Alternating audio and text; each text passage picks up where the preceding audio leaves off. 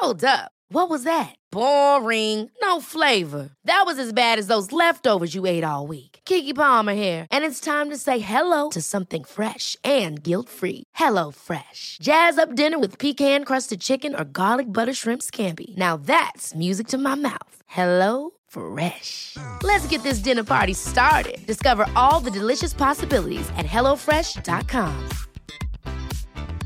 Hiring for your small business? If you're not looking for professionals on LinkedIn, you're looking in the wrong place. That's like looking for your car keys in a fish tank. LinkedIn helps you hire professionals you can't find anywhere else, even those who aren't actively searching for a new job but might be open to the perfect role. In a given month, over 70% of LinkedIn users don't even visit other leading job sites. So start looking in the right place. With LinkedIn, you can hire professionals like a professional. Post your free job on linkedin.com slash people today.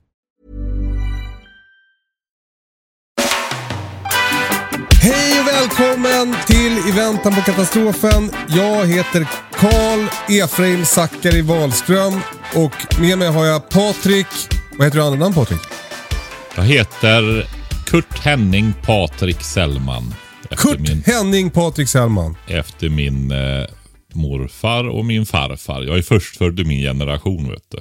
Då blir det så. Då blir det så. Vi heter Kurt allihopa faktiskt. Jag är ju sist född i min så att jag är ju döpt efter någon fiskargubbe på Muskö. Det var inget över till dig. Men han var mäktig, alltså enligt uppgift är det här. Jag, det är som en, jag vet inte vad som stämmer eller inte. Men, men han rodde i alla fall från då Muskö till Nynäshamn och sålde strömming varje morgon. Eh, och det är jättelångt. Eh, han var jättemäktig.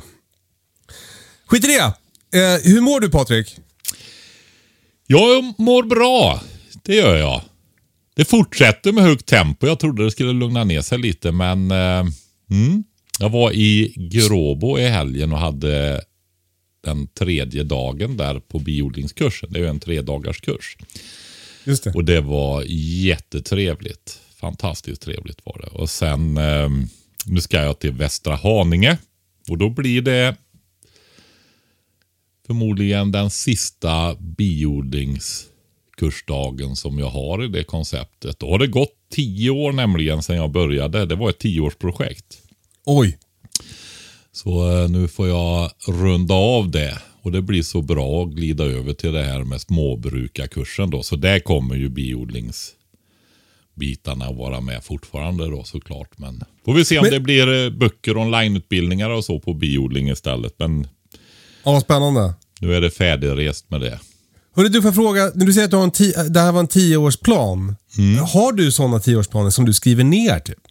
Nej, Nej. jag har tioårsplan på intuition. Okej. Nej, men det är den här biten med att eh, när man ska göra saker så eh, överskattar man alltid vad man kan göra på ett år. Men man underskattar vad man kan göra på tio. Ja, ja, ja, jag förstår. Och eh, så är det mänskliga psyket för det mesta i alla fall. Och Ja. eh, då, då är det bra att göra lite... Och tänker man efter då så hinner du ju med några stycken. Och du börjar när du är 20 då säger vi efter gymnasiet. Ja, så kanske du orkar hålla på i alla fall till du är 70. Mm. Då hinner du ju med några stycken tioårsprojekt. Mm. Då blir det liksom någonting. Vad är nästa tioårsprojekt för dig? Småbrukarkurser och höja beredskapen i landet. Det har varit en Perfekt. liten överlappning här. Du, eh, då är vi på rätt spår Patrik. För det är det vi håller på med i den här podden. Ja, som av en händelse. Du, vi har ju pratat mycket om det här med energipriserna i senaste veckorna. Och man märker att det är ett ämne som eh, berör. Eh, och och Eh, eh, vi får mycket meddelanden och mail om det. Och varför säger Patrik att vindkraft är dyr när den är billig? Och varför är Kalle emot kärnkraft när jag är för kärnkraft? Varför är... Ja, du vet. Ja, men sen är det ju, du, du vet det där, alltså, det är lite roligt det där att folk håller på och säger sådär om vindkraft och kärnkraft. Alltså, kärnkraft är stenhårt straffbeskattat. Och vindkraft är supersubventionerat. Ja, Åh, så lönsamt det är med vindkraft. Åh, så olönsamt det är med kärnkraft. Ja. Alltså, det, jag- beror, det, jag är ju ville säga- politiska beslut som skapar Det, det jag lönsamheten säga var att vi ska sluta hålla på och, grä, och rota runt i det där Patrik. Nu gjorde du det i alla fall. Ja, okej. Men det är, det är en grej som jag tänkte bara, jag, vill- jag ville nämna. Det är det här med eh, prisökningarna. Eh, för det är ju någonting som, som eh, eh, vi har pratat om mycket också. Att priserna på många grejer går upp. Och energi är ju en del av det. Men, men där, där mat är ju också någonting som vi har pratat mycket om. Att där kommer priserna förmodligen att stiga och att det därför är vettigt att helst igår ha köpt på sig ett lager så att man har. Och nu läste jag på morgonen en, en grej på Twitter där det var ett, ett, ett par med, nu, jag vet inte exakt hur stort eh, jordbruk de hade, men, men de eh, tillverkade i alla fall mjöl. Som såldes på ICA Maxi i Sandviken. Och där hade priset på mjölet gått upp från 32 till 39 kronor. Fast det här paret hade inte höjt priserna. Då blir man förbannad. Vad, vad tänker du om det? Ehm, alltså det är ju en fri, jag tycker man får ta det man vill. Man behöver väl inte höja priserna eller sänka priser. Man får väl ta det. Är det någon som vill köpa så får de väl köpa. Så Ja, men alltså det här var ju ICA Maxi som hade höjt priset trots att det här... Alltså, så- det, det känns då kanske som att de här livsmedelsjättarna rider lite på... Folk är inställda på att maten ska bli dyrare och tar därför i och höjer priserna även på varor som inte har blivit dyrare för dem att köpa in. Mm. Eller vad tror du? Är jag en foliehatt nu? Alltså jag tänker så här att eh, de har ju andra kostnader än, eh, än inköpspriser på varor. Ja. Eh, och det kan ju vara så att det är generella höjningar. Jag vet faktiskt inte det där, men det är lätt att man, man bör nog se hela biten och jag tror Damberg skulle väl åka och göra det nu va. Prata med dem så att han eh, fick höra, inte just med den Ica Maxi men med, för det har ju varit mycket diskussioner om det här. Och finns säkert företag som gör så. Jag höjde tusen kronor Ja. på mina bikuper. ja. ja men Nej, men jag, jag, kan, jag kan inte ha någon åsikt. Jag, jag vet bara så här att eh, det får vara någon form av eh, oligopol, alltså, eller att man kommer överens företag emellan. Det håller ju inte i längden att någon höjer priserna. Det finns ju andra företag också. Va? Mm. Eh, det, det är ju trots allt en marknad. Eh, ska vara det i alla fall. Och Ja, är det det och någon den- höjer priserna extra mycket, ja men då går ju folk till de andra om inte de gör det va. Jo, Annars är just det det. Men just när det gäller li- livsmedelsbutiker så finns det väl inte jättemånga olika. Utan det är väl ganska... Ja, det är ju, folk är ju så konservativa här så de går ju till Ica och Konsum i alla fall. Ja. Men du har ju en hel del andra också då va. Och jag handlar på internet. Mm. Du, eh, det här med prisökningarna, jag vet inte om jag har nämnt det för dig, men jag, jag eh, stötte på ett par eh, som bor ganska nära mig här som har haft eh, eh, äggproduktion. Mm. Inte jättestor, men inte jätteliten heller. De har sålt sådär i i rekoringar och haft lite kött, kycklingar och sådär. Men de hade fått lägga ner det för att det blev helt enkelt inte ekonomiskt hållbart längre när foderpriserna gick upp så pass mycket. Mm. Och, och, och, och det där kan jag liksom inte... Alltså det låter så deppigt. Alltså det är du liten och det drar iväg. Så jag kommer ihåg eh, Malin på Berg. Hon har ju du träffat. Hon Mm. var ju med. Shout out till Malin på Berg. Ja, precis. Eh, och sa det nej. Nu lägger jag ner detta. Och jag räknar ut, nu värper de så dåligt hönorna. Va? Hon har ju haft hönor och sålt och så också. Ja. Kostar 18 kronor foder bara till varje ägg, sa hon. Åh jävlar. Ja. Ja, nej men det var ju, är ju så. Och ehm, du, alltså. Jag vet eh, den bonden som jag nämner som jag samarbetat med mycket då när det, har hjälpt åt med biodling och sånt där. Han pratade jag med för någon vecka sedan här eller två. Han har ju kyllager, stora kyllager för att lagra potatis. Och ehm, ja, grönsaker och sånt och grannarna hyr in sig och sådär va. Men han var jättebekymrad. För han ser ju också det, alltså det här blir ju absurt som det är gjort nu va. De, ehm, men alltså han ligger ju på 25 000 kilowattimmar i månaden och sånt där va. Det kan fort bli en kvarts miljon elräkning i månaden för han i vinter. Och han ska ju bara, han är ju 72 år, vet du. han ska ju bara köra tre år till. Han kan ju inte ta sådana grejer. va. Nej. Och ehm, ja. Men vad ska alltså, det bli av det här? Vad tänker du om det? Nej, det går ju åt helvete. det gör ju det. Eh, alltså, det är bara det att folk tror ju inte det för att det går i slow motion. Ja. Alltså, men det är jag säger, om du har 10% inflation. Ja. Ja. Om du kör det i några år, hur mycket pengar kan du, eller vad, vad har du, då har du hälften av pengarna kvar efter en 5-6 år. Va? Ja. Ja, så är det. Och eh, det är samma, men elpriset här alltså, det jag tittade igår. Eh, 9,94 var det uppe i, om det var 19 eller 20 igår kväll. 9,94, nästan 10 kronor i augusti. Ja. Så är det. Jag tror det var i, i eh, trean då, där vi, fyran är ju ännu värre va. Eh, så var det väl 6,60 någonting igår i genomsnittspris. Ja, det är väldigt mycket pengar. Ja, alltså det är ju det om du har det nu och sen när det börjar gå åt väldigt mycket fram i november, december, januari, februari, mars va. Det är ju då folk gör åt sin el. Men tror- vi skulle ju kan- inte prata om elpriset. Nej, nej men bara så folk verkligen fattar det, att det är allvar på riktigt. Va? Det är det. det du, du har väggen där framför dig nu. ja. Böj inte ner huvudet utan titta på den och försök att göra någonting så att du inte kör in i så jäkla hög hastighet. Men, men eh, eh, om jag får återgå till det här med hönsen då. Ja. Ja. Lite mindre kontroversiellt. Eh, eh, liksom, eh, om det då är så att, att varje ägg kostar 18 kronor i foderkostnad. Då, då är den enda lösningen för att hålla det lönsamt, det är ju antingen att höja priserna jättemycket på ägg eller att det är någon som har sådär en miljon hönor i någon stor hangar. Och liksom, vad, vad, vad ser du i liksom, slutet av tunneln? Vad, vad händer sen? Vad kommer det bli? Nej men alltså, eh, folk kommer ju få så pass mycket sämre ekonomi nu att de kommer ju att jaga låga priser. Så är det va. Ja. Så är det. Eh, och det kan ju bli så att man jagar varor faktiskt överhuvudtaget också då. Men det får vi väl se hur långt det går. Ja, så börja bunkra ägg eller? Skaffa höns? Ja, det är ju våran melodi det, eller hur? Ja. Så är det ju. Okej, vi går vidare. Du, eh, eh, vi har fått eh, eh, en fråga till podden om eh, det livet i jorden man inte ser. Ja.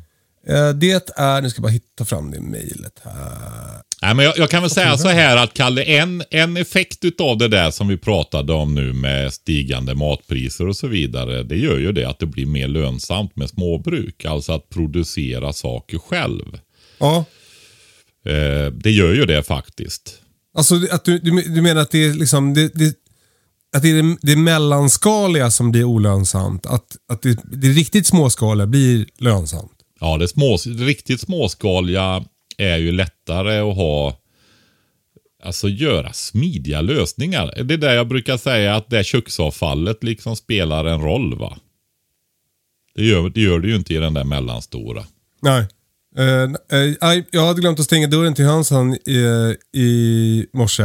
Så alla höns var ute i trädgården och, ha, Ja. och härjade. Och då, då hade jag ju en kastrull med lite spaghetti från igår kväll. Som jag då gick med till hönsgården. Och då kom alla och sprang in. Så där spelade ju matavfallet väldigt stor roll för mig. Ja, skadorna på grönsakslandet minimerades med hjälp Ja. av lite mask. Du, Alltså de älskar ju spaghetti. Du, eh, eh, eh, Erik har skrivit en fråga till podden om mikroorganismer. Han skriver så här. Jag har hört att mikroorganismer, mask och svamp etc. som finns i jorden tar skada om man plöjer. Och undrar hur mycket skada man gör med lättare jordbearbetning som till exempel kupning eller då man kör med hjulhacka eller tallriksharv. Är bearbetningen så pass ytlig att man inte gör någon skada?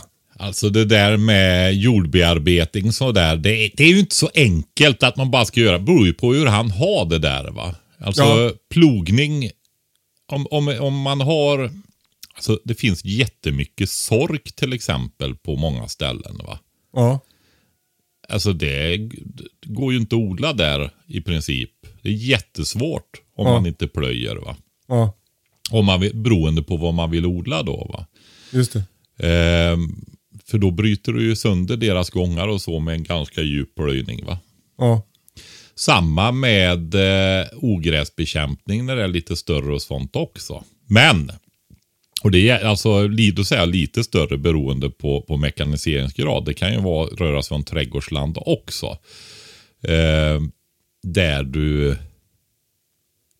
ja, det, det blir för mycket. För det, det är inte bara så där liksom att täcka eller så. Du får massa snigelproblem eventuellt och sådana grejer. va. Så att du ofta, det går att göra. Jag har odlat med täckodling och så och eh, det, alltså då rör du ju inte jorden utan då lägger du ju liksom uppe på. Och jag har, det har varit väldigt bra när jag har gjort det i mindre skala då. Men eh, ja, då, då får du ju verkligen ha tillgång till bra täckmaterial och sådana saker. Gräsklipp till exempel. Ja, har du det så är det ju, då odlar du ju din eh, gödsel på gräsmattan. Men Ja. försök gärna låta den bli lite högre gräsmattan då, för då fångar den upp solljuset mycket bättre. Så du inte har en sådär perfekt kortklippt hela tiden, utan låt det växa lite innan du klipper varje gång, så du producerar lite på gräsmattan. Så är det. Och så klöver i då så att du får kväve där också. Luftkväve som du fixerar med hjälp av bakterierna där då. Men det, det är ju så här. Jordbearbetar du mycket, ja du vänder på jorden 30 cm djupt och så. Ja, då, då eh, stör du ju mikrolivet där. Eh, det du gör framförallt med jordbearbetning det är ju också det att du ökar ämnesomsättningen, alltså nedbrytningen då utav humus och sådana saker i jorden med. Och, det, det, och öka mineraliseringen, alltså du frigör näring och sånt mer då, så det har ju också varit en grej. Alltså en bra grej. Ja, men alltså det där att humusen förbrukas fortare, det är inte bra. Nähä. Eh, du får i luft och sådana saker i jorden ordentligt och så då va, när du gör sån kraftig jordbearbetning. Nej men humusen är så viktig för eh, näringsförsörjningen och eh, strukturen framförallt i jorden då. Va? När du har sådär riktigt fluffig fin jord kan man säga, då har du mycket organiska ämnen i den, mycket humus. Så eh, det ska man vara rädd om. Och Det gör man bäst genom att inte göra kraftig jordstruktur. Då. Så att man får liksom eh, titta hur man ska odla. Ofta är det väl bättre att anpassa sig efter de förutsättningar man har då. Eh, Det bästa är ju om marken är bevuxen hela tiden överallt. Va? Men eh, ja, det är inte så lätt. Ja, men för du har sagt till mig förut, eh, som angående mitt trädgårdsland här, att jag ska eh, eh täcka över det på hösten. Mm. Eh, med eh, eh, sån duk för att sen, eh, då ska allt ogräs dö till på våren och bli näring och så vidare. Eh, för jag, i år så gjorde jag så att jag, jag hade inga dukar så jag fräst, jag körde jordfräs i våras. Och formade bäddar. Och det har ju växt jättebra. Mm. Men, men tycker att jag ska försöka undvika det i framtiden. Alltså jag gör ju det när jag behöver göra det. Jag har ju skaffat en traktor nu så jag har ju någonting som kallas för rotorharv. Ja. Så eh, när jag gör ordning bäddarna på våren, om jag har en bra jordstruktur och så då, så eh, kan jag ju ställa in lite exakt. Ah, jag vill eh, luckra upp ytan ner till 3 cm till exempel. då. Så gör jag det. Och då rör jag omkring ordentligt där och stör ut ogräset och så. så. Det blev, blev, jag har gjort det för första gången i våras nu. Då. Förra året så körde jag ju en kraftig djup bearbetning då och det gick jättebra den här tunnare, försiktigare jordbearbetningen då. Men att kupa och sådana grejer. Alltså, det, alltså, ja, alltså du Potatis behöver du ju kupa om du inte odlar den under halmtäcken eller sådana grejer. Och då får du ju inte... Får du det att fungera med halm och få tag i halm kontinuerligt och sådana saker så odla så då. Eh, annars, om du inte gör det så behöver du ju kupa potatisen och då får du också en väldigt bra ogräsbekämpning där. Ja, Men, så, eh, eh det är alltså inte svart eller vitt eller så, utan du får forma efter, efter det du ska göra. ja. ja, det är ju alltid jobbigt när det inte blir svart eller vitt. Och det, det, det blir ju sällan det. Välkommen till verkligheten.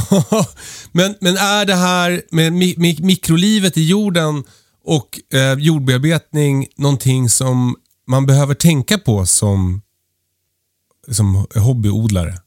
Ja, alltså, jag kan säga, det, man kan väl säga en enkel grej är det då att bearbetar du mycket förbrukar du jorden. Måste fylla på med mycket mer näring. Ja, precis. Och gödsel och sådana saker. Och eh, det bästa är ju om du kan eh, få till så att du har marktäckning, kompostering uppifrån hela tiden och håller efter ogräset. Och det går ju att göra på en mindre yta med arbetsintensiv, ja, med mycket arbete då va. Och gör, lägger du mycket arbete i början får du ju mindre sen då, för ogräs ger ju ogräs som sagt. Eh, där eh, tycker jag att Erik fick ett jättebra svar på sin fråga. Tack Erik för din fråga och tack Patrik för ditt svar. Eh, nu byter vi ämne i podden. Eh, eh, vi har fått ett mejl från Ida. Hon skriver så här. Så här i skördetider så använder jag min matberedare extra mycket. Men nu har den gått sönder. Vilken matberedare ska hon köpa istället Patrik? Ja, jag har ju förbrukat några, eller vi har ju förbrukat några matberedare. Det där är ju en sån där grej. Det är ju det är ju som när man ska köpa vitvaror och sådana där grejer. Och så har det liksom gått 10-15 år sedan man gjorde det sist. Och kommer man ihåg något överhuvudtaget eh, av det där då med modeller och namn och varumärken och så vidare. Så har det ju hunnit ske ett par affärer och ändrat strategier. Och, så ingenting gäller ju längre. va. Nej. Så det, det är jättesvårt med de där märkena och det här. va. Jag har gjort så att jag har gått på de där eh, gjutjärnsgrejerna, höll jag på att säga. Nej, men eh, jag har ju gjort som jag, som jag kände riktig investering egentligen. Så här, nu, nu, jag, jag gillar att ha maskiner som verkligen håller. Ja, det vet vi. Så jag köpte en degblandare. Jag köpte faktiskt, jag var inne på Ankars rum, alltså de här som Electrolux hade, den svenska. Ja, det, det är har jag, en gammal Electrolux. Ja, och de, de är ju de är ju jättebra och det är de fortfarande. För de bygger, jag tror de bygger dem fortfarande om de inte har slutat de sista åren även i Sverige. Och det är ju det att du har ju en direktverkande Alltså det är direkt ifrån motorn så går axeln rätt upp och roterar eh, skålen istället. va. Och så har du en rulle. Så lär man sig den maskinen så är den jättebra. Den har ju också väl fungerande tillbehör. Alltså, de fungerar. Det gör ju inte alla maskiner heller har man ju märkt under, under årens lopp. då. Nej, för jag, jag har en jättestor köttkvarn i, i, ute i mitt köttrum i ladugården. Men, men jag använder oftast köttkvarnen på den där Electrolux-maskinen för att den är så smidig. Ja, precis. Och du har en äldre och då är ju den i metall och så också. va? Precis. Ja. Nej, men eh, jag köpte en till slut en degblandare KitchenAid Pro. Den deras, vad ska man säga? Mindre café, restaurangproffsmaskinen då om man säger så va. Ja, Så, eh, och den, alltså den är jag väldigt, väldigt, väldigt nöjd med. Och eh, ja, riktiga gedigna degkrokar och vispar och sådana här grejer. Det man behöver ha till den då. Den känns, den känns eh, oerhört professionell och gedigen då, även om den är relativt liten då. Va? Om man tänker för professionellt bruk då. ja, Så är den ju liten. Den är, är ju, storleken är ju mer för större hushåll. just det. Nej, jag är alltså, och den blandar bra. Nej, den är riktig. Men den är ju svindyr, så är det ju. Ehm, och sen eh, när det gällde matberedare där så gjorde jag samma sak där då. Då köpte jag deras större tunga modell. Ida skriver faktiskt, är KitchenAid värd pengarna eller bara överhypad? Och du menar då att den är värd pengarna? Alltså, ja, det är så här att man måste utgå från sin egen ekonomi och göra Mm. prioriteringar där. Och eh, alltså, jag vet inte om den är prisvärd. Den är bra, riktigt bra är den. Ja. Men har man inte jättemycket pengar då kan man inte köpa en sån. Då behöver man mycket annat också. Ja. Så är det ju. Men Ida kanske har allt annat redan, så hon kanske kan lägga alla sina pengar på Ja, nej, hon får... eh, ja, de är bra. Men jag tycker att det här med, med eh, kaféer och restauranger som du var inne på, det är ett bra tips tycker jag. Att man, att man letar alltså, riktiga professionella eh, eh, maskiner. Ja, du Och- kan ju och- köpa begagnat med. Det Exakt. Finns. Alltså, det är jätteofta som, eh, som den typen av, av eh, eh, små företag går i konkurs. Och därför då säljs ju ofta eh, inventarierna ut. Så Ja. det, det är ett, ett väldigt bra tips. Mm. Ja, det är det verkligen. Och det gäller ju stora grytor och kastruller och sånt också. Ja, och bänkar och diskmaskiner och ja, men allt. Alltså de, de, de allra proffsigaste polarna man har som har så här restaurangdiskmaskin som diskar på tre minuter, de, de blir man ju avundsjuk på. Nej, men de Inte- gör väl sådana här slakt eller matberedningsrum och sådana här grejer. Va? Det är det du tänker på. Där det är, li- där det är lite större saker. Ja, ja. Eh, ja, men så svaret i där, det beror på. Men eh, Patrik har Grå, grå, grå, grå, grå. Det beror på hit och dit. Världen är inte svart och vit, den är grå. Det beror på. Ja, precis. Eh, men, men eftersom Patrik har KitchenAid så lär ju vi också köpa KitchenAid Ida, för vi vill ju vara som Patrik. Nästa fråga kommer från Lisa. Eh, hon och hennes sambo köpte mindre jordbruksfastighet i Västernorrland, zon 5. Hon vill gärna börja odla och bli mer självförsörjande. Men hon undrar en grej. Eh, hon har en jordvärmekabel på ett ställe i sin trädgård där hon är sugen på att odla och undrar då, är det dåligt att odla där? Ja, om den används så är det ju det. För eh, alltså det är ju, den tar ju värmen i jorden. Alltså använder värmen där och det innebär ju att den kyler där egentligen. Va? Så eh, då får hon ju kallare. Så det är ju inte eftersträvansvärt när man ska odla. Så, så skit i det, eh, Lisa. Alltså Odla har hon det. alternativ så ska hon ju ta det. Alltså, alltså den, eh, det, det är ju så här med en värmepump. Att tar jag min luftvärmepump här nere så kan jag ju få ut 4-5 kilowatt, alltså um, timmar. Eller 4-5 kilowatt värme och jag använder bara 900 utav elen. De där andra, de kommer ju från värmen i luften utanför huset då. va. Den hämtar ju den värmen och liksom växlar upp den till en högre temperatur. Och det kan Med den hjälp göra. av magi. Ja, precis. För, och det tycker jag, ja men det är ju minusgrader. Jo, men det är fortfarande värme fast det är minusgrader. Det är bara en definition att Celsius sa det att när vatten fryser, det sätter vi till noll. De här standardiserade SE-enheterna som finns som man använder när man räknar och sånt där. De använder ju inte Celsius utan de använder ju Kelvin istället.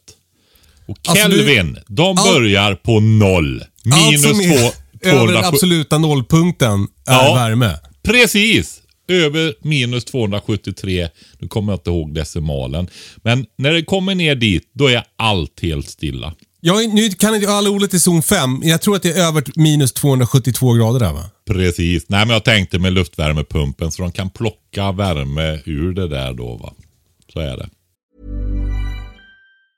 A lot can happen in three years, like a chatbot may be your new best friend. But what won't change? Needing health insurance. United Healthcare Tri Term Medical Plans, underwritten by Golden Rule Insurance Company, offer flexible, budget friendly coverage that lasts nearly three years in some states. Learn more at uh1.com. Quality sleep is essential. That's why the Sleep Number Smart Bed is designed for your ever evolving sleep needs. Need a bed that's firmer or softer on either side? Helps you sleep at a comfortable temperature? Sleep Number Smart Beds let you individualize your comfort so you sleep better together. JD Power ranks Sleep Number number 1 in customer satisfaction with mattresses purchased in-store. And now, save 50% on the Sleep Number limited edition Smart Bed for a limited time. For JD Power 2023 award information, visit jdpower.com/awards. Only at a Sleep Number store or sleepnumber.com. millions of people have lost weight with personalized plans from Noom, like Evan, who can't stand salads and still lost 50 pounds. Salads, generally, for most people, are the easy button, right? For me, that wasn't an option. I never really was a salad guy. That's just not who I am. But Noom worked for me. Get your personalized plan today at Noom.com. Real Noom user compensated to provide their story. In four weeks, the typical Noom user can expect to lose one to two pounds per week. Individual results may vary. Jag har bott i ett hus i, eh, för länge sedan eh, med jordvärme, en jordvärmekabel. Och det var tydligt att där låg eh, snön kvar längre än på granntomterna. Första juli. ja, inte riktigt så illa kanske. Nej. Okej, men eh, då, då skriver Lisa så här. Om jag inte kan odla där så har hon en limpa mark mot vägen. Där kör det relativt många bilar, bland annat mycket timmerbilar. Då är, Lisa rädd att det ska komma tungmetaller ner i jorden när bilarna kör förbi som de i sin tur äter när de äter grönsakerna. Vad, vad säger du om det? Ja, jag har faktiskt tänkt som hon gör också. Så är det. Eh, alltså jag plockar ju inte svamp efter vägen till exempel och sådana saker. Även om det är mindre vägar. Det är synd. inte. Ja, Det jag, och jag, men jag, samtidigt så är det ju så här att jag, jag har ingen eh, bakgrund. Men är det, jag vet hon säger större väg. Eh, timmerbilar. Ja, Nej, jag eh, hoppas hon har ett tredje alternativ. Ja, det blir ju deppigt för Lisa. De har precis köpt den här fastigheten nu. Så vi måste hitta en lösning till den. Och vi får åka dit och göra en, eh, En inventering. ja, hälsa på och titta på möjligheterna. Nej, men eh, jag kan faktiskt inte svara på det. Utan jag tycker att hon kan eh, ringa till någon som har koll på det där. Vem kan det vara? Ja, jag hade ringt dig. Ja, och då hade du fått det svaret som du får nu. Att jag har ju inte något exakt svar, men eh, jag tänker ju att det är eh, mer närmare vägen. Men jag vet faktiskt inte hur mycket som far iväg och sprids ut och hur mycket som lägger sig i närheten. Va? Du har ju gummi, gummirester och sånt där också ifrån däck och sådana saker som kan ligga nära vägarna. Då. Beror på hur nära det är. Är det precis bredvid och vad menar hon med stor väg och så vidare. Och avvägningar. Eh, vet du som lyssnar eh, hur Lisa ska tänka, mejla hej att katastrofen.se. Alltså angående eh, eh, läskiga grejer som kommer från od- att odla nära en väg. Jag, Men- jag men har ju jag alltid det här- förvånats av, att de har sådana åkrar där de uppenbarligen odlar eh, livsmedel till människor precis bredvid vägkanten. Men ja, det har jag, varit jag, jag tänker också ofta på, om, alltså nu på sommaren så är det ofta sommarbeten i anslutning till typ E4. Det går kossor och hästar. Och, det, det undrar man ju över. Mm. Hur de har det. Eh, eh, men, men jag undrar också, alltså, om, om det är så att Lisa eh, då, då kanske inte ska odla bredvid vägen. Är det inte bättre för henne att odla eh, på jordvärmekabeln och få, få lite, liksom, lite sämre bara? Mm. Ja, alltså har hon inga andra alternativ så är det ju det. Man får ju ta det bästa man har på, på laga efter läge och lösa uppgiften. Det, man får göra det. Men det, det man har får man jobba med. Det är ju så. Men för hur mycket sämre blir det om jorden är lite kallare? Det är på våren. Så det blir lite senare. Då får man planta upp plantor inomhus lite, i större utsträckning och plantera ut dem lite senare bara. Ja, du har ju, tar ju varmvatten och sånt också ifrån sån där jordvärme. Så den går ju hela året och kyler jorden då underifrån. Ja, men jag tänker att det spelar inte så stor roll på sommaren.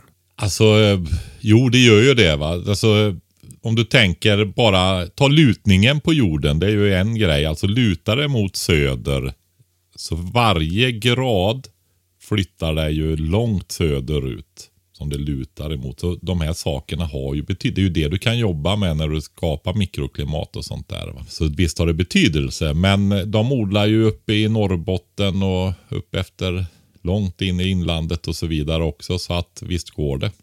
Men det blir Och- ju minst sämre. Så är det. Och med tanke på det här du sa Patrik om att man eh, klarar mycket mindre än man tror på ett år men mycket mer på tio år. Om man har lite längre perspektiv så kan man tänka att, då, att Lisa får testa första året att odla på jordvärme och se hur det går. Absolut, det är ju den smartaste. Prova. Och, och går åt, åt helvete så kanske du kan ja, men, dosera om odlingsytan så att den lutar åt söder eller så kanske du kan vinna någon, någon grad där. Nästa fråga kommer från Kristoffer. Han skriver att han kommer inför vintern att köpa torr ved med under 20% fukt, alltså ej torka själv. Jag har en oisolerad friggebod där jag har plats och har tänkt förvara ved där. Nu undrar jag om den veden blir fuktig av det. Den skulle förvaras där mellan oktober till februari. Kan jag ta in veden direkt från boden och elda eller blir det för fuktig av förvaring i boden? Det ska tilläggas att det rör sig om en braskamin. Värmer nog murstocken en del, men inte storskalig eldning alltså, alltså, utan vi har fjärrvärme som uppvärmning. Men den har han tänkt sänka så gott han kan under vintern. Vi var väl inne på det här i något tidigare avsnitt för inte så länge sedan om hur man ska tänka med veden. Ja, just det här om man inte har torrved, ja. Mm. Precis. Och nu börjar det bli stressigt här. Ja, det, alltså, jag sitter ju och tittar ut på några sådana här träd med bruna löv här ute. Jag tillhör ju själv den kategorin som inte hade. Ja, men jag har ju haft ved. Eh, alltså vi har ju pratat om det där att jag har inte haft en hel vedförbruk och du, du skra, eller, ja, var ju helt chockad va. Helt chockad. Ja, precis. Och eh, nej, så jag har ju köpt ved nu och bygger nytt vedskjul då. För, och, alltså, det här har ju att göra med att min vedbod skulle tummas och bli magasin och det ska byggas nytt. Så Jag den bara bortförklaringar Patrik. Jag hör Ja. ja, precis, precis. Finns ju presenningar. Exakt. Ja, ja. Nej, men det är, är, är så det är. Och, eh, men nu har jag i alla fall eh, eh, Eh, bruna träd som ligger här ute då, framför mig. Så är det. Men han har torr och fin ved. Det är så man förvarar ved som han säger där. Är den torr så kan han lägga den där och visst kommer det att variera någon procent hit och dit under säsongen men det har ingen betydelse. Däremot kan man faktiskt tänka så här med eh, om man är rädd om den lilla ved man har så kan man ju ta in och ställa den i förstun eller någonting. Få upp temperaturen på den för annars så ska den ju värmas eh, veden först också. Va? Så att du har liksom... eh, Minus eh, 20 tre- grader ved. Du, nej, men du har liksom tre vedstationer. En för, förvaring där du har din, den största delen av veden. Och Sen flyttar du in ett lass halvvägs in mot spisen och sen har du ett lass vid spisen. Så kan man säga. Så skulle man kunna göra. Att du har som- vedbärare som du, det står en i, i förstun eller liksom grovingången eller någonting där och sen eh, har du en framme där du ska elda då. Vedbäraren bär alltid två gånger. Oj. Veden, skitsamma. man säger ju veden värmer väldigt många gånger. Du, eh, eh, jag undrar lite om hans friggebod kanske är för dåligt ventilerad för att förvara ved i. Vad säger du om det? Ja, det skulle snarare kunna vara så då. Alltså man vill ju ha en luftigare byggnad. Ja. Egentligen. så det då kan kan, det det vara vara det som är frågan egentligen. Jag vet inte om det är frågan, men... men En men, oisolerad friggebod är det och det betyder ju att det är ju brädväggar. Ja. Du tänker, men det nej, är det torr ved, om den redan är torr så eh, spelar det ingen roll. Okej. Det, det gör det inte. Däremot om du har lite fukt kvar i veden och lägger in den, då får du ju tänka dig för. Då är det ju bra om du har bredare... Ofta när man bygger en vedbod så gör man ju eh, större avstånd mellan brädfordringsbrädorna. Eh, Så att det kan komma in luft. Och eh, vet man att det är fuktigare ved, då tar du ju och lägger den på ett sånt sätt så att det verkligen luften kan röra sig runt den. Då, va? För det krävs ju för att det ska få undan fukten i den. Men, men så om om Kristoffer tänker eh, kanske nästa år då fixa egen ved och torka den i sin friggebod, då kan han behöva öka ventilationen. Där. Bättre än torkar den utanför. Du vet det här att veden ska vara huggen till innan påsk. Och så får den eh, ligga och... Man fäller den ju ofta på hösten, vintern. Och klyver den och kapar den innan påsk. Och sen så ska den ligga och torka på försommaren. Och sen så lägger man in den innan midsommar. Precis. Och det är inte bara att elda med ved direkt Kristoffer. Men, men eh, eh, svaret är alltså det kommer gå bra att förvara din torra ved i din friggebod. Eh, men överväg att flytta in ett lass pö om pö så att det, eh, det värms upp så att den blir ännu mer, din braskamin blir ännu mer effektiv. Stämmer det? Ja. Eh, vi har fått en fråga från Felicia.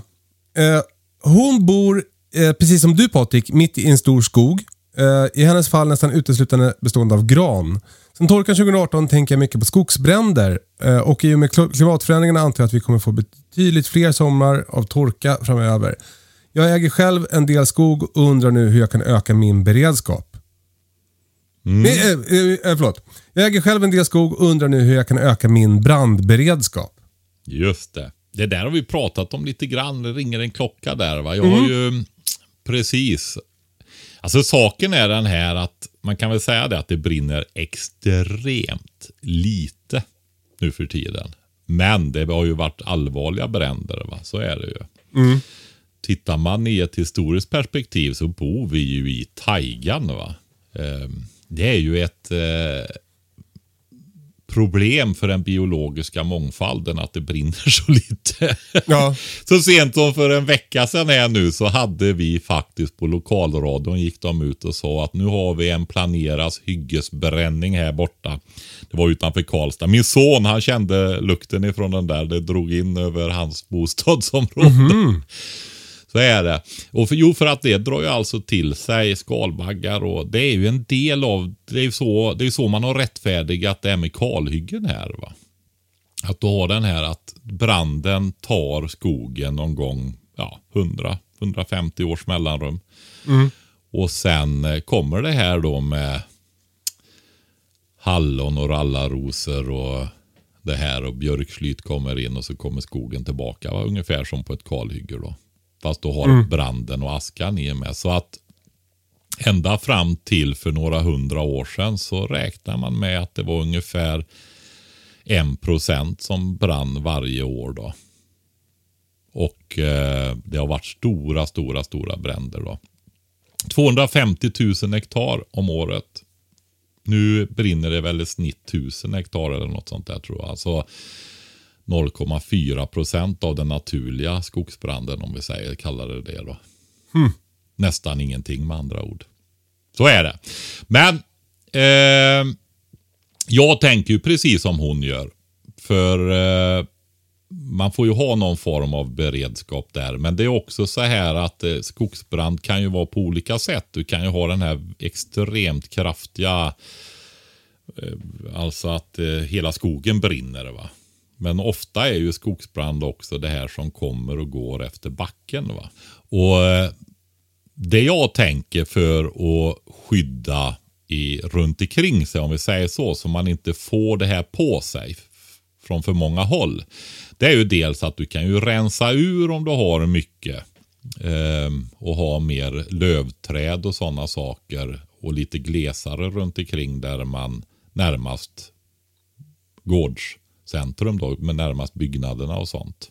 Ja, för det, det här tänker jag att hon är inne på eftersom hon säger det här att hon äger själv skog och undrar hur hon kan öka sin brand, brandberedskap. Då, det, det, det tolkar jag som att hon undrar om hon kan göra någonting med just skogen för att skydda sig. Mm. Och, och då, då låter det som att det här är eh, vettigt då, mer lövträd. runt. Ja, alltså. Ja. Eh, om inte jag minns fel så är det faktiskt så att en blandskog står sig bättre faktiskt. Och inte lika, blir lika allvarlig då. Eh, björkar klarar ju sig ofta ganska bra, i alla fall större björkar då. va, När det Ja, kommer. alltså min fru kommer från Umeå, björkarnas stad. Och, och d- där har man ju väldigt mycket björkar för att hela Umeå brann ner någon gång. De här stora björkalléerna ja. Ja, exakt. Och det ska vara någon Precis. slags brandskydd. Eh, men jag, om jag tänker runt själva bostaden och det där så är det ju att glesa ut och ta bort stora partier med barrträd och sådana saker runt omkring då. Men sen vill jag också slå ett slag för just det här att man ser till att man har utrustning också i form av massvis med vattenkannor. Att man kan ta med sig vatten och, och ehm, göra bekämpning om det skulle börja i närheten och det inte finns brandresurser på plats och så vidare. Va? För vattenkannor är ju nästan magiska när det gäller brand på backen. Va? Att du har strilen på Och, och ja, Man kan nästan småspringa efter en sån här brandfront som kommer fram över marken, var gräset. Och strila över. Det, det där har du sagt till mig förut och det gör att jag varje gång jag använder vattenkannan så tänker jag på det. Att den är så Ja. bra för att släcka bränder med. Ja, precis. Ehm, och sen är det det här med att kunna fukta och blöta ner områden om man har tillgång till större mängder vatten. Va? Eller har elektricitet så pumparna kan gå där. Se till att man har möjlighet att pumpa vatten utan eh, elektricitet också. Med elverk då eller med eh, bensinpumpar, motorpumpar på något sätt. Och att man då har spridare, sektorspridare eller någonting som kan blöta ner områden runt omkring sig då. Va? Så eh, finns det ju saker man kan göra där. va.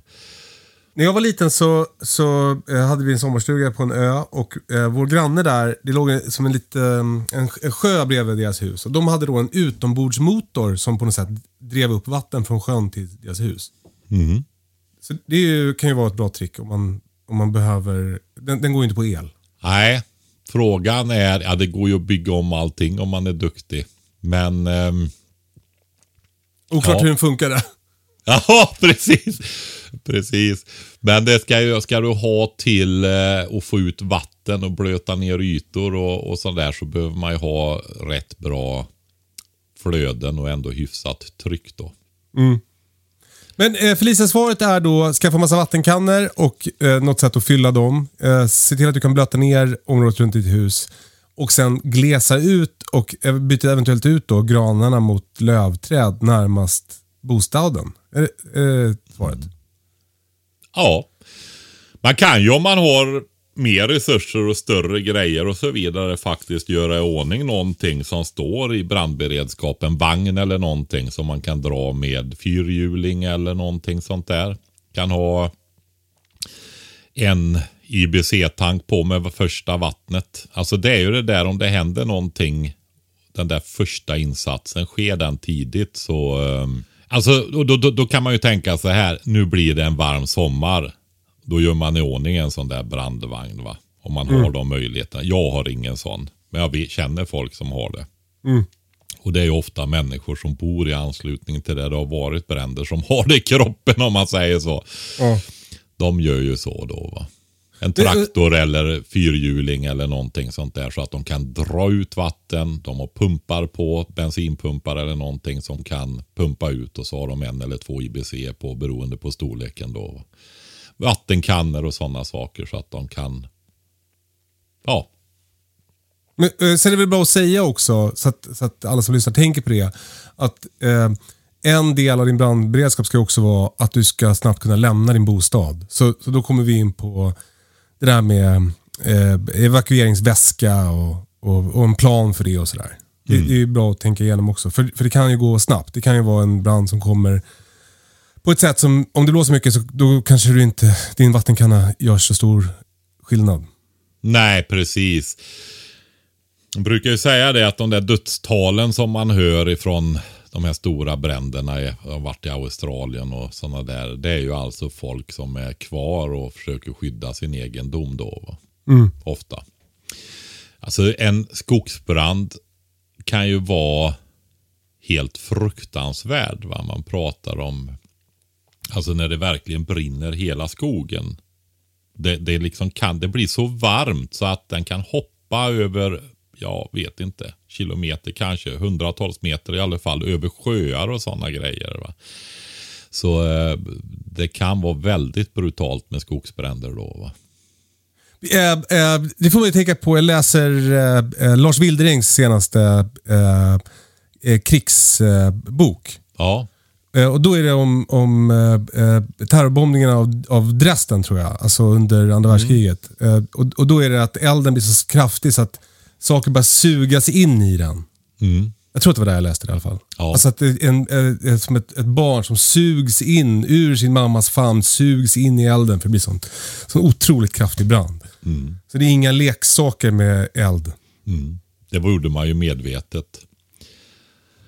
Man släppte inte på, ju... inget kontroversiellt nu Patrik. vad sa du? Inget kontroversiellt nu Patrik. Ja, nej men man sprängde ju sönder taken och sen så att det blev eh, Så att brandbomberna som kom efter skulle få bra fäste. Usch. Nu ska vi byta ämne Patrik. Eh, vi har fått en fråga från Tina. Hon skriver så här. Eh, nu när krisen verkligen är ett faktum med skenande kostnader så ser det ut att bli tufft att få pengarna att räcka till. Kan det vara aktuellt att göra en stödodling till innan vintern kommer i växthus? Vad ska man då våga satsa extra på? Och ska man också köpa fröer redan nu inför nästa säsong? Det känns som att det kommer bli panikstormning på fröer när krisen är i ansiktet på folket. Ska vi börja med frågan om att, att odla i växthus, alltså att så nu? Hon, ja, Tina i Bohuslän är det ja. Hon har ganska hyfsat klimat i alla fall där va? Mm. Eh, alltså det, det går, du har ju vintersallad och sådana saker som går att odla och det går ju att odla Spenat är ju en sån där odling också som går att göra sent och tidigt på säsongen när det inte är för mycket ljus. Eh, så det går att odla en hel del då. Det gör det och det går ju att övervintra saker i växthus och sånt där också. Men, men om man nu tänker, alltså det det är väl svårt att röja plats i växthuset redan för det, är- det är ju som högsäsong för tomatskörden just nu. Ja, det håller väl i sig en månad till. Höll jag på att säga nästan va. Ja, så då, då är det att man tänker att man ska börja odla om en månad. Då är man alltså i slutet på september. Och då har man kanske två månader innan det blir liksom minusgrader på ett sätt som inte går att hantera riktigt i ett vanligt växthus. Ja, och det blir väldigt mörkt också. Ja.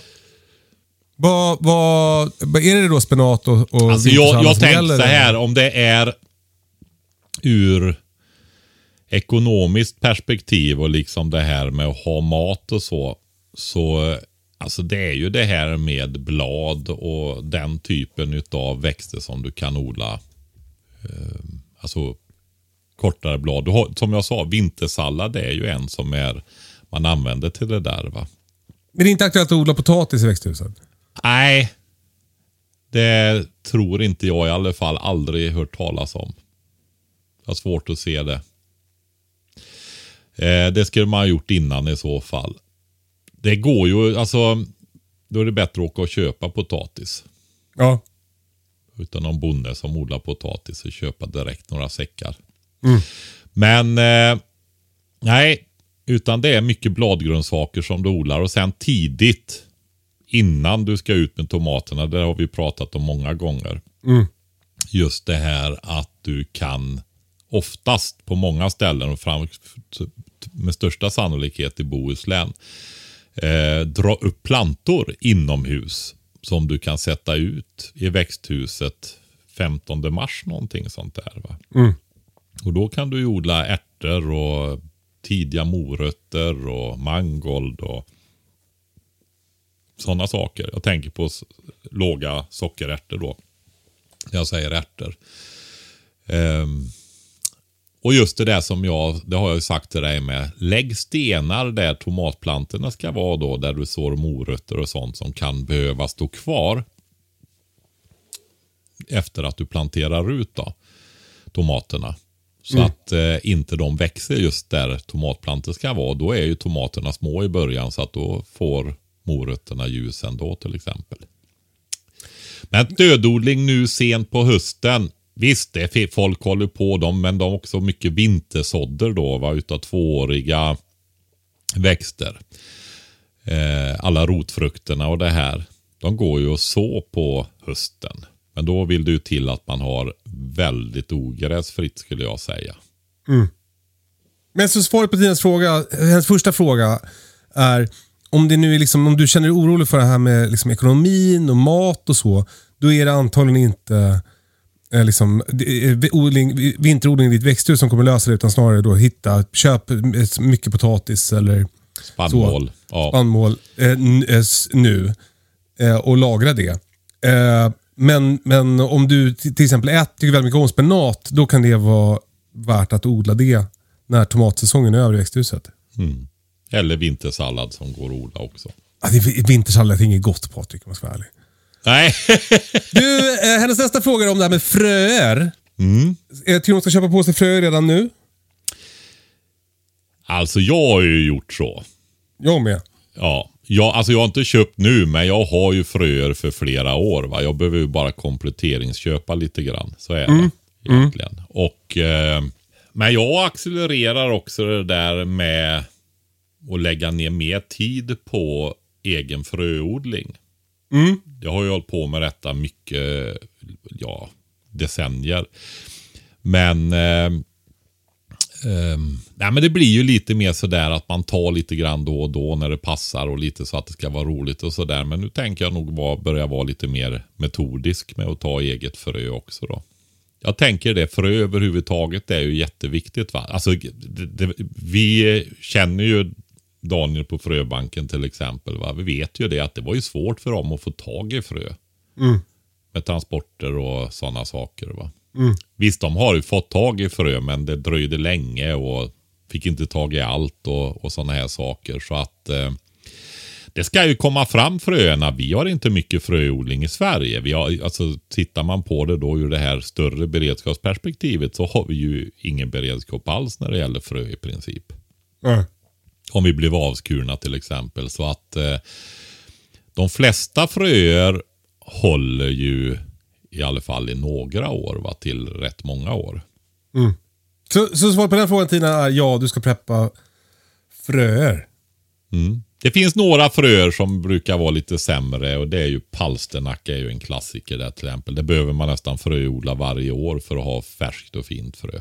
Dill är en annan sån, men den, eh, det gjorde vi faktiskt ett inlägg här nu på vårt Instagramkonto småbruk.se att eh, där vi filmade och visade insekterna i dillkronorna.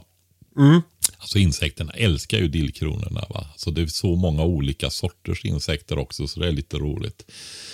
Så, och det är också viktigt i trädgården att ha dem där och gynna de insekterna där. Eh, för stabiliteten och inte få så mycket skadeangrepp och så vidare. Och Det kan man gott och väl odla, odla man, om man har plats då, ett överflöd av dill. Så, så det bara är att frysa in och frossa i dill hela säsongen och sen kommer kronorna upp och man har ett överflöd av krondill till alla sina inläggningar och sånt där. Va? Och så får insekterna sitt och så sparar man de största och finaste kronorna så att de får gå i frö då. Och det går ju att skörda dillfrö till krydda också. Men framförallt så får du jättefint utsäde till nästa år och ta nytt året därpå hela tiden. så. Och gud, jag blir stressad av det här med inläggningar. Jag har bara gjort en burk saltgurka. Jag ligger efter. Du, Ja. va? Nej, jag tänkte det. Du ska ju njuta och roligt med det där, Kalle. Ja. Eh, men det verkar tråkigt att ha en hel höst utan smörgåsgurka. Och, alltså sötgurka, det, det vill man gärna ha. Det ska jag göra. Men du, eh, eh, apropå det här med att och, och skörda och ta tillvara på grejer. Då har vi fått en fråga från Sanna. Eh, hon verkar bo i England. Och eh, hon undrar hur man gör äppelvin. Hur, hur gör man? Vilka äpplen ska man använda? Det är en hel vetenskap med olika tabletter, jäst och utrustning. Och där I England så pratar man om crab apples till vin och inte ätäpplen. Vad, du gör ju mycket äppelvin Ja, fram, ja, framförallt har jag gjort mycket äppelvin. och, och vet ju allt om det här. Berätta nu då. Hur, hur ska man göra äppelvin och hur gör man? Ja, jag skulle nog säga så här då. Eh, vi keep it simple stupid, kissregeln där istället. För det är väldigt enkelt att göra äppelvin. Så att det är ju en sån där grej som man kan börja med faktiskt, skulle jag säga. Men sen är det så här att det går ju att göra allting hur komplicerat som helst och raffinerat och in i detalj och du vet så här va, fördjupa sig. Du kan ju studera det här med äppelvin hela livet liksom. Ja, men du tar förstår du? Ja. Mm. Eh, det här med crab apple i eh, England. Jag vet inte riktigt vad crab apple är faktiskt. De säger det. Men Alltså, jag, väl- jag tror att det är vildapel. Ja, ja precis. Och det, det stämmer ju då. Va? Men de har ju sorter. Jag har ju själv importerat tio olika sorter ifrån England just. Som jag har här ute. Jag hade med mig till kursarrangörerna här. Herefordshire Red Streel Major hade jag med mig. Vad var den tredje jag hade med mig? Jag hade gjort i våras då, nya äppelträd så de har. Det lät som att du sa tre. Nej, Herefordshire Red Streel är ett namn. Herregud. Lugn Ja. med namnen. Ja. ja, det är ju sådana äpplen. De går inte att äta. Men jag har ju, jag gör ju must. Och gör cider och, och sådana saker också. Pressar då. Och eh, alltså när du använder de här crab apple då, vildäpplena eller de cideräpplena vill jag nog hellre kalla dem då. Va? Då, du, det blir en annan must och, och cider alltså. Och jag vet inte vad jag ska säga och det låter så krystat. Jag har inte riktigt språk för det där. Men alltså det, det blir ju mer komplexa smaker helt enkelt. Ja, godare kan man säga. Ja, ja precis. Det där är väldigt Det blir godare. Ja, ja, bra. det gör det bra. Jättebra. Så är det. Men ska du göra vin då. Så är, är ju just det att blanda många olika sorter. Och som grundregel så är ju höst och framförallt vinteräppel bättre. Sommaräpplen är, ger en faddare smak liksom. Så är det va. De gör man äpplemos på och torkar och sådana grejer istället. Gör pajer och så.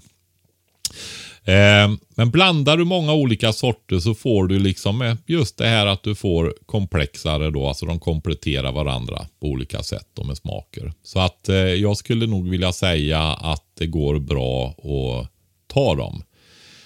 Eh, vanliga äpplena. Det har jag gjort i alla år och jag har varit väldigt nöjd med mitt äpplevin. Det som är bra med äpplevinet det är det att du behöver ju inte mosa och hålla på som du gör med bär. Utan det räcker faktiskt att tvätta äpplena ordentligt och sen bara klyftar du dem. Gör fyra klyftor. Jag har liksom en stor bunke eller låda, korg med äpplen som är tvättade. Och så sitter jag bara och klyftar dem och lägger direkt ner i en tunna. Därför att eh, sen häller du kokhett vatten över de här. Och det är ju för att Alltså det går att göra på två sätt. Då. Antingen vildjäser du. Eller också så avdödar du all vildjäst med värme då med varmvatten. Eller pasteurisering som det är med must om du ska jäsa must. Då. Men i det här fallet så häller du kokat vatten över om du vill bestämma vilka gästkulturer, gästsvampar du ska använda då. Går ju att köpa, finns mängder. Och, och välja på där va. Så om du vill köpa jäst och tillsätta så eh, häller du kokat vatten över. Annars måste du vara rädd om den här jästdammarna så då får du ha ljummet vatten. Och eh, i alla fall, när det svalnar sen då. För jag, jag gör ju med kokat vatten i det här fallet nu då. När det har svalnat sen, då kan du tillsätta jästen där i. Och så låter du det stå. Och eh, när man gör vin eller andra fermenterade drycker och så, då är det ju de vattenlösliga ämnena som man tar vara på. Smakämnen, socker och så vidare. Va? Färger och sånt. Ja, det som löser sig i vatten. Det är samma när du gör öl. Ja, just det. Du mosar ju inte kornet då, utan du, du, du låter det ju såsa runt och, och liksom avlägga. Ja, men det måste till. ju också om det ska vara någonting. Det, jag menar huvudingrediensen i drycker är ju vatten. Mm. Det är ju till och med i brännvin. Va? Det är ju 60% vatten där. Det är för mycket tycker jag. ja. Nej, men det är ju så. Så det är ju vattenlösliga ämnen som det handlar om. Annars sedimenterar de ju och så vidare. Va? Så att det, det är vattenlösliga ämnen. Men, men då har du det i tunnan och då, antingen då så, eh, har du vildjäser eller så har du tillsatt jäst. Ja, och då har jag hällt kokat vatten över om jag Ja. inte vill ha vildjäsningen då. Och det, jag kan väl säga också så här att vi, det går att vildjäsa och jag har gjort det även när det gäller cider och då tillsätter man ju inget socker. va. Utan då får du ju bara det naturliga sockret och får låg alkoholhalt. Och då är det ju sämre konservering också. va. Så eh, alltså det blir väldigt lätt eh, att man har väldigt mycket äppelcidervinäger alltså. ja, det är så. Ja, så är det. Däremot eh, när det gäller mjöd då, där du har lite högre alkoholhalter, där, eh, där har det fungerat bra med vildjäsning för mig då. Mm. det har det.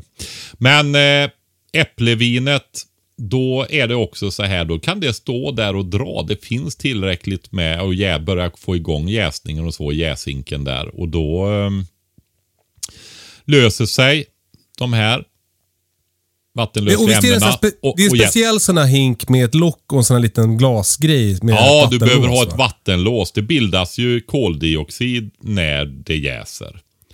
Det är ju alltså, eh, går åt och eh, när det bryts ner då så kommer det och det är ju tyngre än luft. Så det lägger sig ju på ytan och skyddar den faktiskt också från oxidering och sånt då. Och sen fylls ju det här luftutrymmet över vätskan och då pressar det ju ut genom ett vattenlås, ett sånt här jäsrör. Så att det inte kommer in ny luft och in nya bakterier och så vidare och gästsvampar som kan påverka det där. Då. Just Så du vill ha en jäsink med ett vattenlås på. Jäs, jäsrör på. Jäsrör menar jag, inte vattenlås. Jäsrör. Det är, I ett jäsrör så är det ju liksom ett vattenlås. då. Så att det är ju det man hör som bubblar när gaserna trycker på. då. Just det. Men eh, sen får du ju tillsätta socker då och beroende på vilken typ av, eh, av eh, vin du ska göra och styrka och sådana grejer så blir det ju olika mängder då. Eh, och eh, förklara det där bara. Du, sockret är maten till gästen. Ja, det de gör om till alkohol då. Så vill du ha ett starkare vin, ett dessertvin, typ sherry, portvin, Tokaji, den typen. Då, eh, Gud vad gott. Ja, det är ju det. Eh, fördelen med dem också, det är ju det att de har ju väldigt bra hållbarhet och är, det är så hög alkoholhalt då så de är ju superkonserverade. Du kan lagra dem väldigt länge och så. Alltså, Jag har druckit ett portvin från 1800-talet ja, en gång. Mm. Det, det är ju gammalt. det är det. Men det var, det var här extra sött. Kanske inte heter portvin. Mad, heter det Madeira? Är det extra sött? Alltså du har söta portvin också. Okej, ja, jag, jag famlar i mörkret här. Skit i det. Du, eh, okej, men då, då häller man i socker. När ska man hälla i sockret då? Ja. Efter eh, några dagar, par tre dagar kan du göra. Gör inget om det står lite längre heller. Men sockret tar ju slut. Det är inte jättemycket socker i, eh, i äpplena där. Va? Men eh, då tillsätter du ju det här och man kan göra det successivt också. För sockret har ju också en konserverande. Du ska göra starkvin till exempel. Så ha, lägger du i jättestora mängder socker och allt på en gång så bromsar det ju upp jäsprocessen kan göra. Så att man kan ta det lite pö om pö då. Men, men jag bara fråga då. Så Men du så måste sila, när du tillsätter sockret, där missar vi en viktig grej. Du måste ju sila av de här äppelklyftorna först då. Va? Varför då? Nej, men eh, då har du efter några dagar har du lakat ur det du vill ha. Det är i vätskan helt enkelt. Och Okej. eh, då, då tar du, silar du av det här så har du ditt, din vinbas då, va? vätskan där och sen vill du få upp alkoholhalten. Men börjar det bubbla på bara några dagar? Jajamensan, det kommer igång jättefort. Ja, du ser. Man lär sig något nytt varje dag. Ja. Eh, eh, Okej, så då, då, det går några dagar, det bubblar. Du eh, öppnar din hink, du silar bort eh, äppelbitarna så du nu bara har själva eh, liksom äppelvattnet, Ja. vätskan i din hink. Precis. Och sen tillsätter du socker. Ofta 2-3 kilo beroende på per 10 liter. Beroende på vad du vill ha för vin. Då. De flesta vintyper ligger där. Men eh, jag, ska, jag ska ju säga det också att det är så tacksamt med det här i och med att det är klyftor. Va? Just det. För när du ska sila bärviner och sånt där och det kläggar igen silar och allting. Men här är det så lätt att sila. Va? Jag tycker äppelvin är bland det lättaste att göra på det sättet rent hanteringsmässigt. Då. Så det är tacksamt. Så det, det har blivit, blivit... Jag har konstant gjort mer äppelvin än vad jag dricker. Dröm. Jag, jag har väldigt mycket äppelvin. Gud vilken dröm. Jag dricker inte från 1800-talet men från 90-talet i alla fall. Det är sant. ja. Och hur smakar de då? Är de- ty- ja, ja, alltså. De, det smakar, vad smakar det? Det smakar gammalt äppelvin. Nej, men jag är rätt nöjd med mina äppelviner ska jag säga. Och det är också viktigt att påpeka det faktiskt när det gäller de här, även fru, alla frukt och bärviner som vi kan göra här uppe. Att eh, Nej, men de vinner jättemycket på lagring. va. Alltså brukar säga det, minst tre års lagring på dem. Då får du ju då får du bra viner om du har gjort och hållit på hygien och använt bra grejer. Va? Då, det blir bra.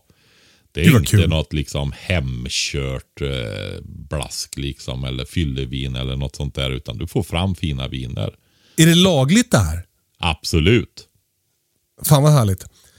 Men, äh, och åter till processen. Eh, vi har silat bort äppelklyftorna. Det gick smidigt för det var klyftor. Vi, vi har hällt i 2-3 kilo socker per 10 liter vätska. Ja. Vi sätter på locket med det här jäsröret igen. Mm. Det låter det stå. Det bubblar på. Det är vatten i vattenlåset. Hur länge står det? Alltså det beror ju lite på då, men eh, jag skulle nog säga att det står i alla fall i ett par, tre månader. Och det du vill göra är ju det att du vill få en eh, viss klarning av det. Så att eh, du får en bottensats då med partiklar som lägger sig på botten och då kan du tappa om det med en hävert i en ny Ja. hink då. Så du be- bra att ha minst två hinkar. En hävert är ju då när man slangar bensin ur en bil. Ja, precis. Du ställer den du ska tumma högre än den andra. Och så um, har du slangen och så suger du i slangen tills det kommer vin. Första smaken. Och så um, låter du det rinna ner i den andra och se till att bottensatsen inte kommer med då. Som prosten sa. Vill jag lägga till. Nej. oj. Det är, det är så här att det kan vara eh, lite besvärligt att få det att klarna. Jag tycker just äpple är inte så svårt att få klarna faktiskt. Men eh, det finns ett bra tips där och det är att göra lite rönnbärssaft helt enkelt som man tillsätter som klarningsmedel. då. Vad är det? Rönnbärssaft. Det är Rönnbär, ju, jaha. Rönnbär. Ja, Ja. Det, och det är en bra komplement till eh, äpplena också. Rent Smakmässigt i vinet. Och så kan man tillsätta lite grann av det så klarnar det bättre. Du, det låter inte så svårt att göra äppelvin. Nej, det är inte det. Vi bara summerar det görsnabbt. Plocka äpplen, ta många olika sorter. Höst och helst vinteräpplen. Tvätta dem väl, skölj runt dem. Låt, man kan låta dem ligga i en stor balja, i blötlagda lite så eventuella fågelskitar och sånt där löser upp sig. Och sen eh, lyfter man över dem i en, eh, ett annat renare vatten. Och jag brukar ju ha sådana här det, det sista är liksom att jag kan spola dem då va, i ett, en eh, brödback eller fruktback eller någonting med hål i så det liksom bara sköljer av dem. Sen klyftar jag dem i fyra klyftor och lägger i en hink. Häller kokhett vatten över. Jag kom på en grej som inte, inte har sagt. Hur mycket äpplen är det? Oj. Eh, sex kilo per 10 liter. Taget. Ja, den storleksordningen. Jag har inte receptet i huvudet faktiskt. Jag har gjort must de senaste åren. Just det. Så är det. Men hur som helst, typ 6 kilo. jag har, ju, klyftor har då. 200 liter äppelvin i förråden nu. Jag, jag gör must istället. Drick mer Patrik. Vad sa du? Drick mer. Nej, det, la- det, man får inte dricka för mycket. Har inte tid. Eh, och sen så häller kokhett vatten. Eh, eh, låt det stå några dagar. Sila bort äppelbitarna. I med socker. Låt stå två, tre månader. Buteljera. Lagra. Helst tre år. Och sen har du jättegott vin. Är det, är, Det är där med två, ja, tre månader. Alltså, du har ju de här, det kan ju krångla och sådana där gånger. Det, när det, om det bubblar och det bubblar mer och mer. Får upp farten och sen lugnar det ner sig och så håller det på efter några veckor till exempel så blir det mer och mer sällan.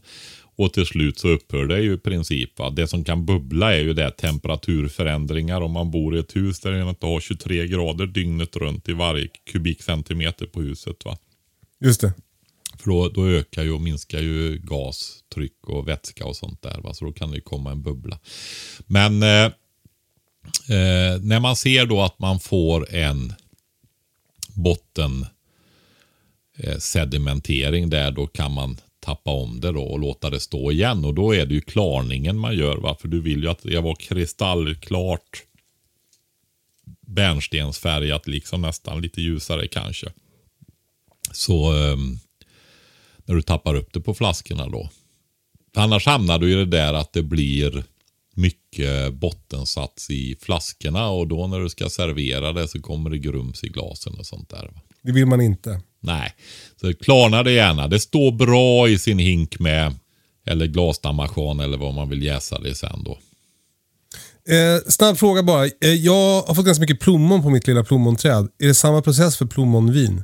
Eh, ja, men det är ungefär samma fast eh, du har plommon istället höll jag på att säga. Ja, Ja, det var- men det det, det är det. Ta, ta motsvarande plommon och eh, där. Ja, det kanske, jag vet inte exakt, det kanske varierar i sockerhalter och smaker och sådär så det varierar något kilo. Men det är ju lätt att hitta de där. Men det är ju den storleksordningen då.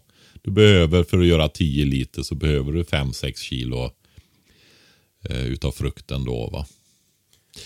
Är det Och- samma sak med vintersallad om man har odlat väldigt mycket vintersallad? Ja, då kör du i mixen istället. Okej. Med lite banan eller papaya. Ja, Och undvik att jäsa. okej. Ja. Annars blir jag liksom lite eh, inspirerad av det här. Tänkte man kan göra vin på vad fan som helst. ja, men alltså grejen är att det är ju nästan lite så att du kan faktiskt göra det.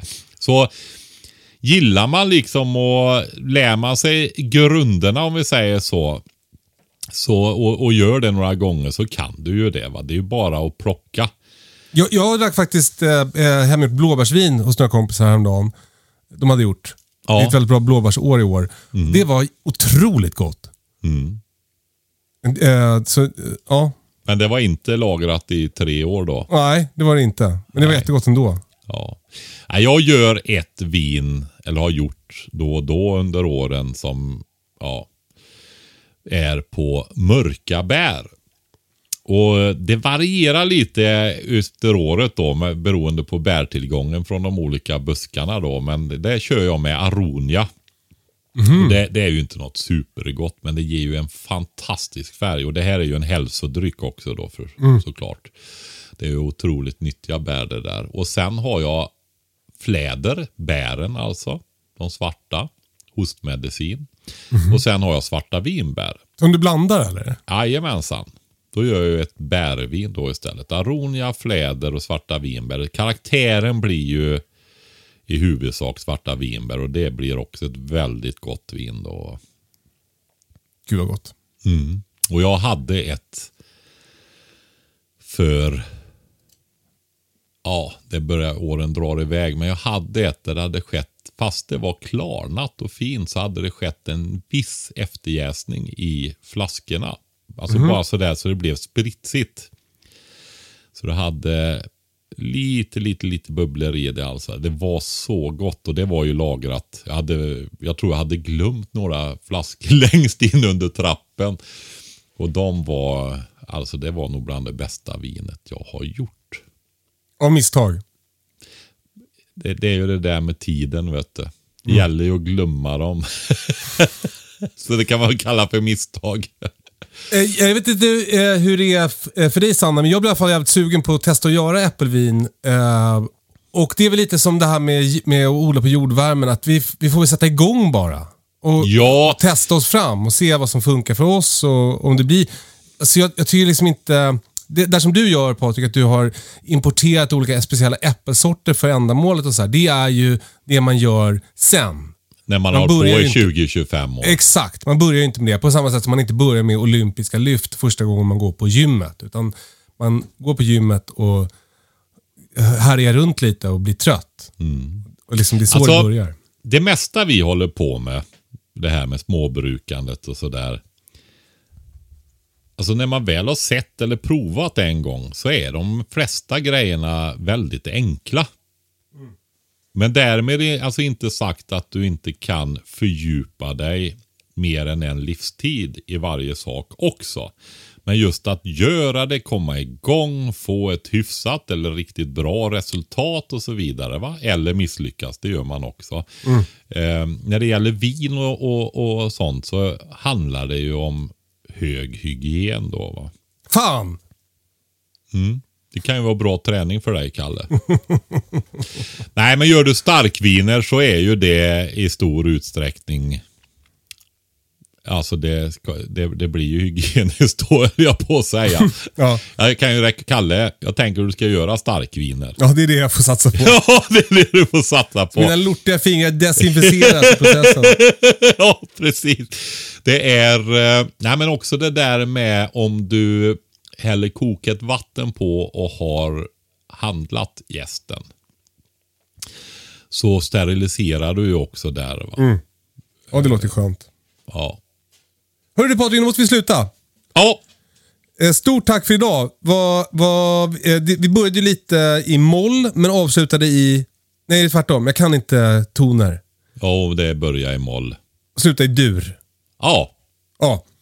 Eh, eh, eh, tack för att ni lyssnar. Tack för alla härliga frågor. Eh, glöm inte att mejla hej katastrofen.se om du har en fråga om beredskap eller oh, lite vad fan som helst. Matberedare eller äppelvin eller köttkaniner. Eh, me- Mejla gärna också om du vet om det är farligt att odla nära en väg där det kör timmerbilar. För det undrar vi också. Eh, ha det så bra så länge då. Har du något mer Patrik? Alltså det där med vägen, jag tänkte på det när vi pratade om det där. Det finns ju andra grejer det här med... Eh, alltså vad har tomten som jag har köpt för historia? Det var ju inte så noga. Alltså har man även lite äldre. Har det varit industriområde här förut och de har byggt villor här på 30-talet eller ja men du vet sådär. Eh, för det har jag tänkt på också, att man kanske ibland bör kolla vad har det varit här förut? Vad är det i backen? Man var inte så himla noga om man ska vara riktigt ärlig för va, med olika Ja. saker. Det kan vara vad som helst i backen. Ja. Nu var det många som fick sig en funderare tror jag. Vi avslutar i moll. eh, eh, eh, eh, då har ni något att, att fnula på till nästa vecka. Vi, vi hörs då. Puss och kram, hej då! Hej då!